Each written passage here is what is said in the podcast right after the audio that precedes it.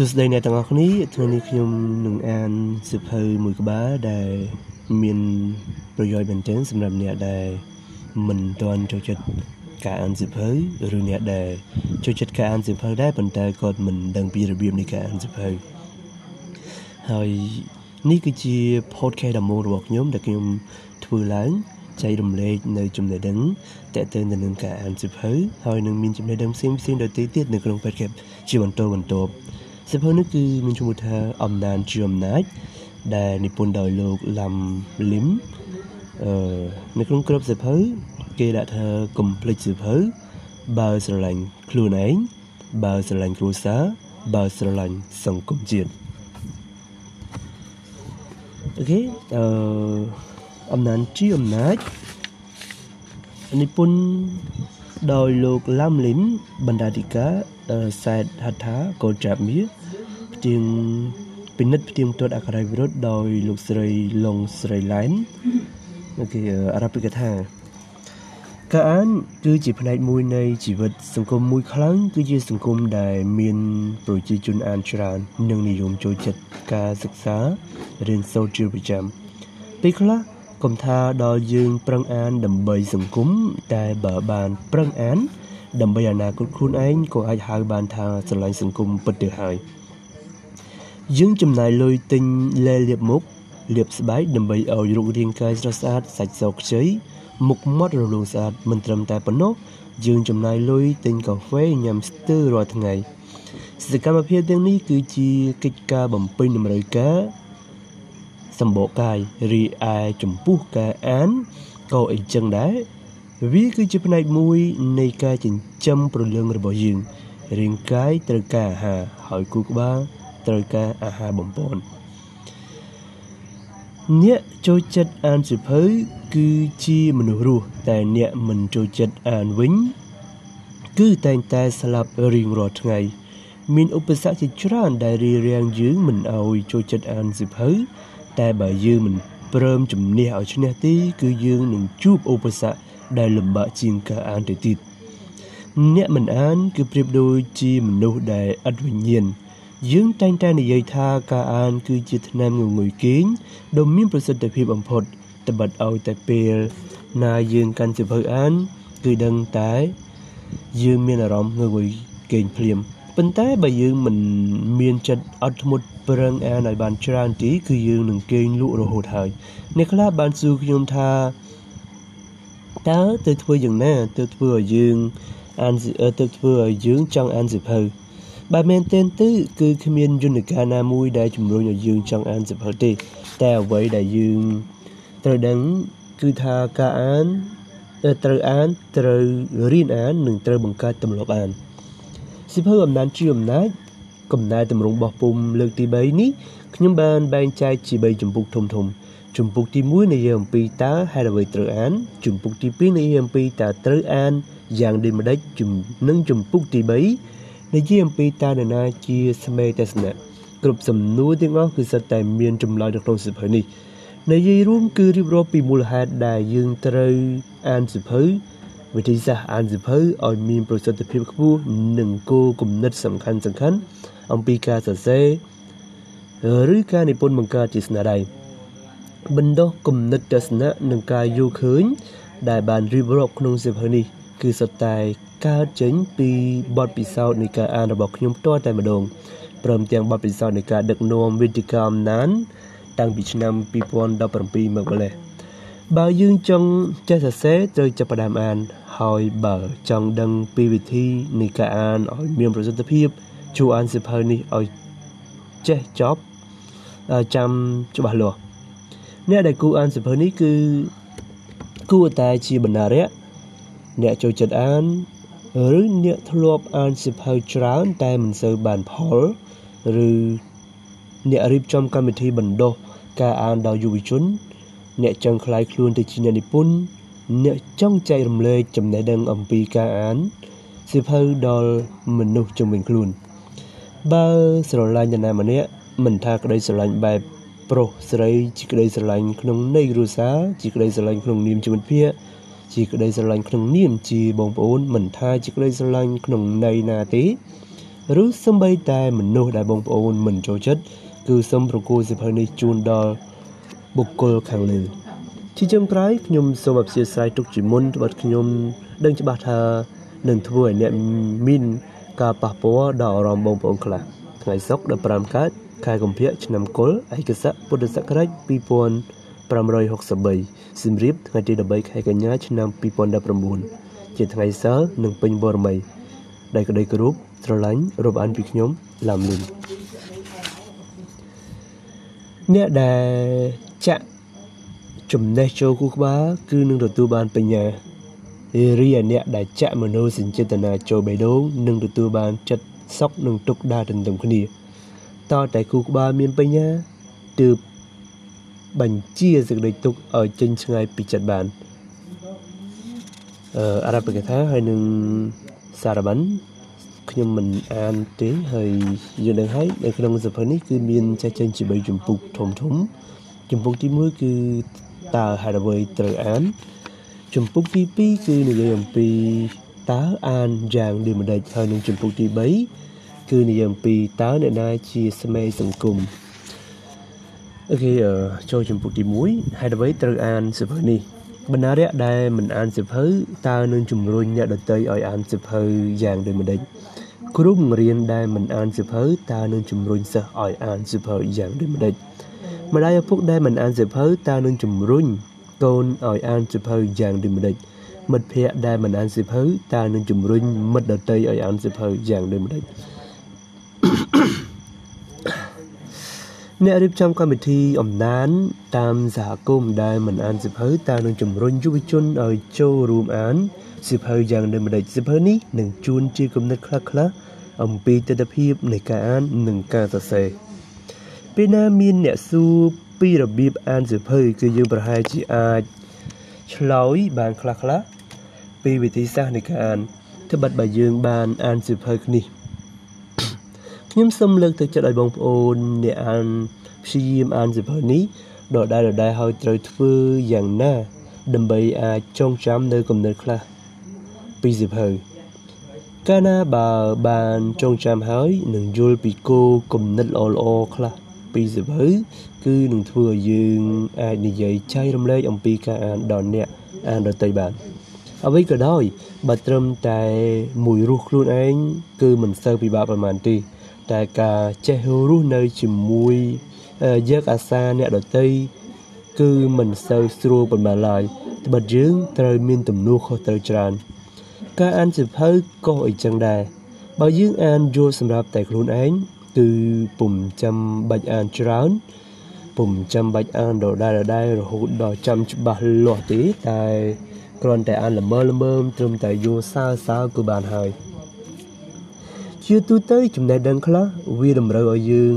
ចងចាំនិងចាំបានច្បាស់លាស់គឺពីពីព្រោះបើចាំបានច្បាស់ល្អហើយយល់ថែមទៀតគឺស្មើនឹងចេះបើយើងចេះច្បាស់វានឹងអាចធ្វើឲ្យយើងចេះបន្តឆ្នៃគំនិតទៅរករបៀបគិតផ្សេងផ្សេងមួយបែបទៀតតែបន្ថែមពីនេះអត្ថបទខ្លះអាចជាអត្ថបទដែលយើងធ្លាប់អានរួចហើយតែបើយើងអាច គួរតែអានម្ដងទៀតយើងជាអ្នកចំនួនមុន បើស្រឡាញ់សង្គមគឺប្រហែលជាត្រូវយកទំនួលខុសត្រូវមកដាក់នឹងខ្លួនច្រើនបន្តិចហើយកាលនេះខ្លះគឺគ្មាននរណាមកពឹងពាក់ទេតែដោយសេចក្តីស្រឡាញ់គឺធ្វើឲ្យយើងស្ម័គ្រចិត្តធ្វើដោយគ្មានលក្ខខណ្ឌចំណុចចំណេញពីការអានសិភៅអំណាចជាអំណាចទី1 ចេះជ្រើសរើសសៀវភៅអានដោយមិនចំណាយលុយខុសគោលដៅសម្រាប់កូនអ្នកក្រ ទី2ចេះអានដោយយកចិត្តទុកដាក់អានយកចេះមិនមែនអានយកចប់អានយកគុណភាពមិនមែនអានយកបរិមាណចំនួនសៀវភៅទី3ពេលស្គាល់សៀវភៅដែលត្រូវអាន ចេះអានយកចេះគឺនឹងមិនខាតពេលវេលា ទី4ចេះបន្សុទ្ធចំណេះដឹងពីសំណេរតាមរយៈការគិតពិចារណា ទី5ស្គាល់ចរិតអ្នកនិពន្ធនិងចំណេះដឹងស្មេតាមរយៈស្នាដៃដែលខ្លួនបានអានទី6សម្រាប់អ្នកចង់រៀនសរសេរសំណេរសង្គមគឺនឹងអាចយល់ពីចរន្តសំណេរខ្លះៗមុននឹងចាប់ផ្ដើមសរសេរសៀវភៅដោយខ្លួនឯងអ្វីដែលយើងគួរទៅ អ្វីដែលយើងគួរឲ្យទៅមនុស្សគឺទឹកចិត្តមនុស្សដែលបានคล้ายទៅជាមនុស្សមានទឹកចិត្តហើយគឺងាយនឹងចេះចែករំលែកណាស់ទោះ ពេលនេះគ្មានអ្វីឲ្យជាដុំកំភួនក៏ដោយ តែថ្ងៃក្រោយទៅមិនប្រកាសថាគ្មានទេអ្វីដែលយើងគួរឲ្យទៅជីវិតគឺជាការប្រឹងប្រែងជាប្រចាំទោះបីពេលនេះមិនបានផលឬផលមិនទាន់ហុចតែថ្ងៃក្រោយទៅមិនប្រកាសថាជីវិតនេះត្រូវរំបាកដោយសារតែការប្រឹងប្រែងទេក្នុងនាមជាអ្នកចេះដឹងអ្វីដែលយើងត្រូវឲ្យទៅ កាន់សង្គមគឺគំរូភាព លុយស្ថិតនៅជាមួយនឹងមនុស្សអវិជ្ជាមនុស្សគ្មានគំនិតគឺស្មើនឹងឥតកំណើតត្រី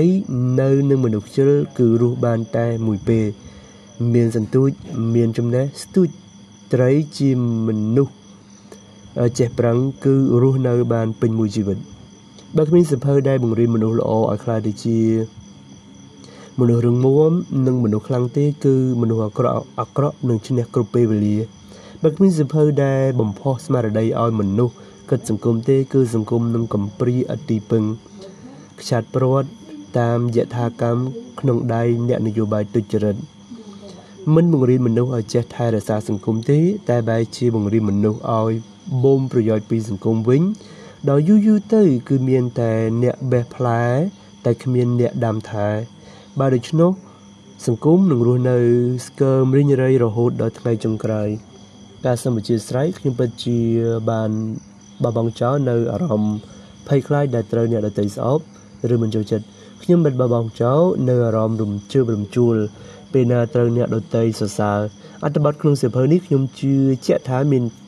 ការប៉ះពាល់អារម្មណ៍ដែលអាចនាំឲ្យអ្នកអានឈឺចាប់ឬមិនសប្បាយចិត្តខ្លះតែសំដកការស្អប់ស្រឡាញ់ចេញហើយប្រឹងអានដោយប្រើការត្រាស់រិះពិចារណាវិញ ខ្ញុំគ្មានចេតនាអ្វីផ្សេងក្រៅតែពីចិត្តចង់ចែករំលែកចំណេះដឹងតាក់ទងទៅនឹងការអាន និងទស្សនវិជ្ជាខ្លះៗអំពីការសរសេរទេបើបងប្អូនបានអានដោយពិចារណាគ្រប់ជ្រុងជ្រោយហើយហើយនៅតែឃើញថាគំនិត ដែលខ្ញុំចែករំលែកនេះខុសគឺចាត់ទុកថាខ្ញុំពិតជាខុសមែនទេចុះផ្ទុយទៅវិញបើយល់ថាគំនិតដែលមាននៅក្នុងអត្ថបទណាមួយត្រឹមត្រូវឬ ក៏សូមកុំភ្លេចយកទៅអនុវត្តនិងចែករំលែកដល់បងប្អូនអ្នកអានតីផ្សេងទៀតផងរឿងខ្លះនិយាយត្រូវតែមិនត្រូវនិយាយទេរីឯរឿងខ្លះទៀតត្រូវតែនិយាយតែនិយាយមិនត្រូវអ្នកដទៃនឹងស្អប់ខ្ញុំបើខ្ញុំនៅតែចចេះនិយាយរឿងត្រឹមត្រូវដែលមិនត្រឹមត្រូវប៉ុន្តែបើខ្ញុំមិននិយាយរឿងដែលត្រូវទេនិយាយ ត្រូវតែនិយាយទេ គឺខ្ញុំនឹងមិនគប្បីចំពោះខ្លួនឯងឡើយចំពុកទី1តើហេតុអ្វីត្រូវអានហេតុអ្វីត្រូវអានគ្រប់មេដឹកនាំពូកែពូកែគឺសុទ្ធតែជាអ្នកពូកែអានទាំងអស់មិនមែនសុទ្ធតែអ្នកអានខ្លាចទៅជាអ្នកដឹកនាំទេប៉ុន្តែយ៉ាងហោចណាស់ការអានក៏គង់នឹងអាចប្រាប់យើងទាំងអស់គ្នាឲ្យដឹងថាតើមានដឹកនាំប្រភេទណា យើងគួរដើរតាមដែរ នេះហៅថាអំណាចដើម្បីសង្គមដើម្បីសង្អោយសង្គមមួយមានភាពអត់អន់ថយគេពុំចាំបាច់ដុតកំទេចសិភៅចោលទេតែគ្រាន់តែពង្វក់ចិត្តមនុស្សកុំឲ្យចង់អានឬ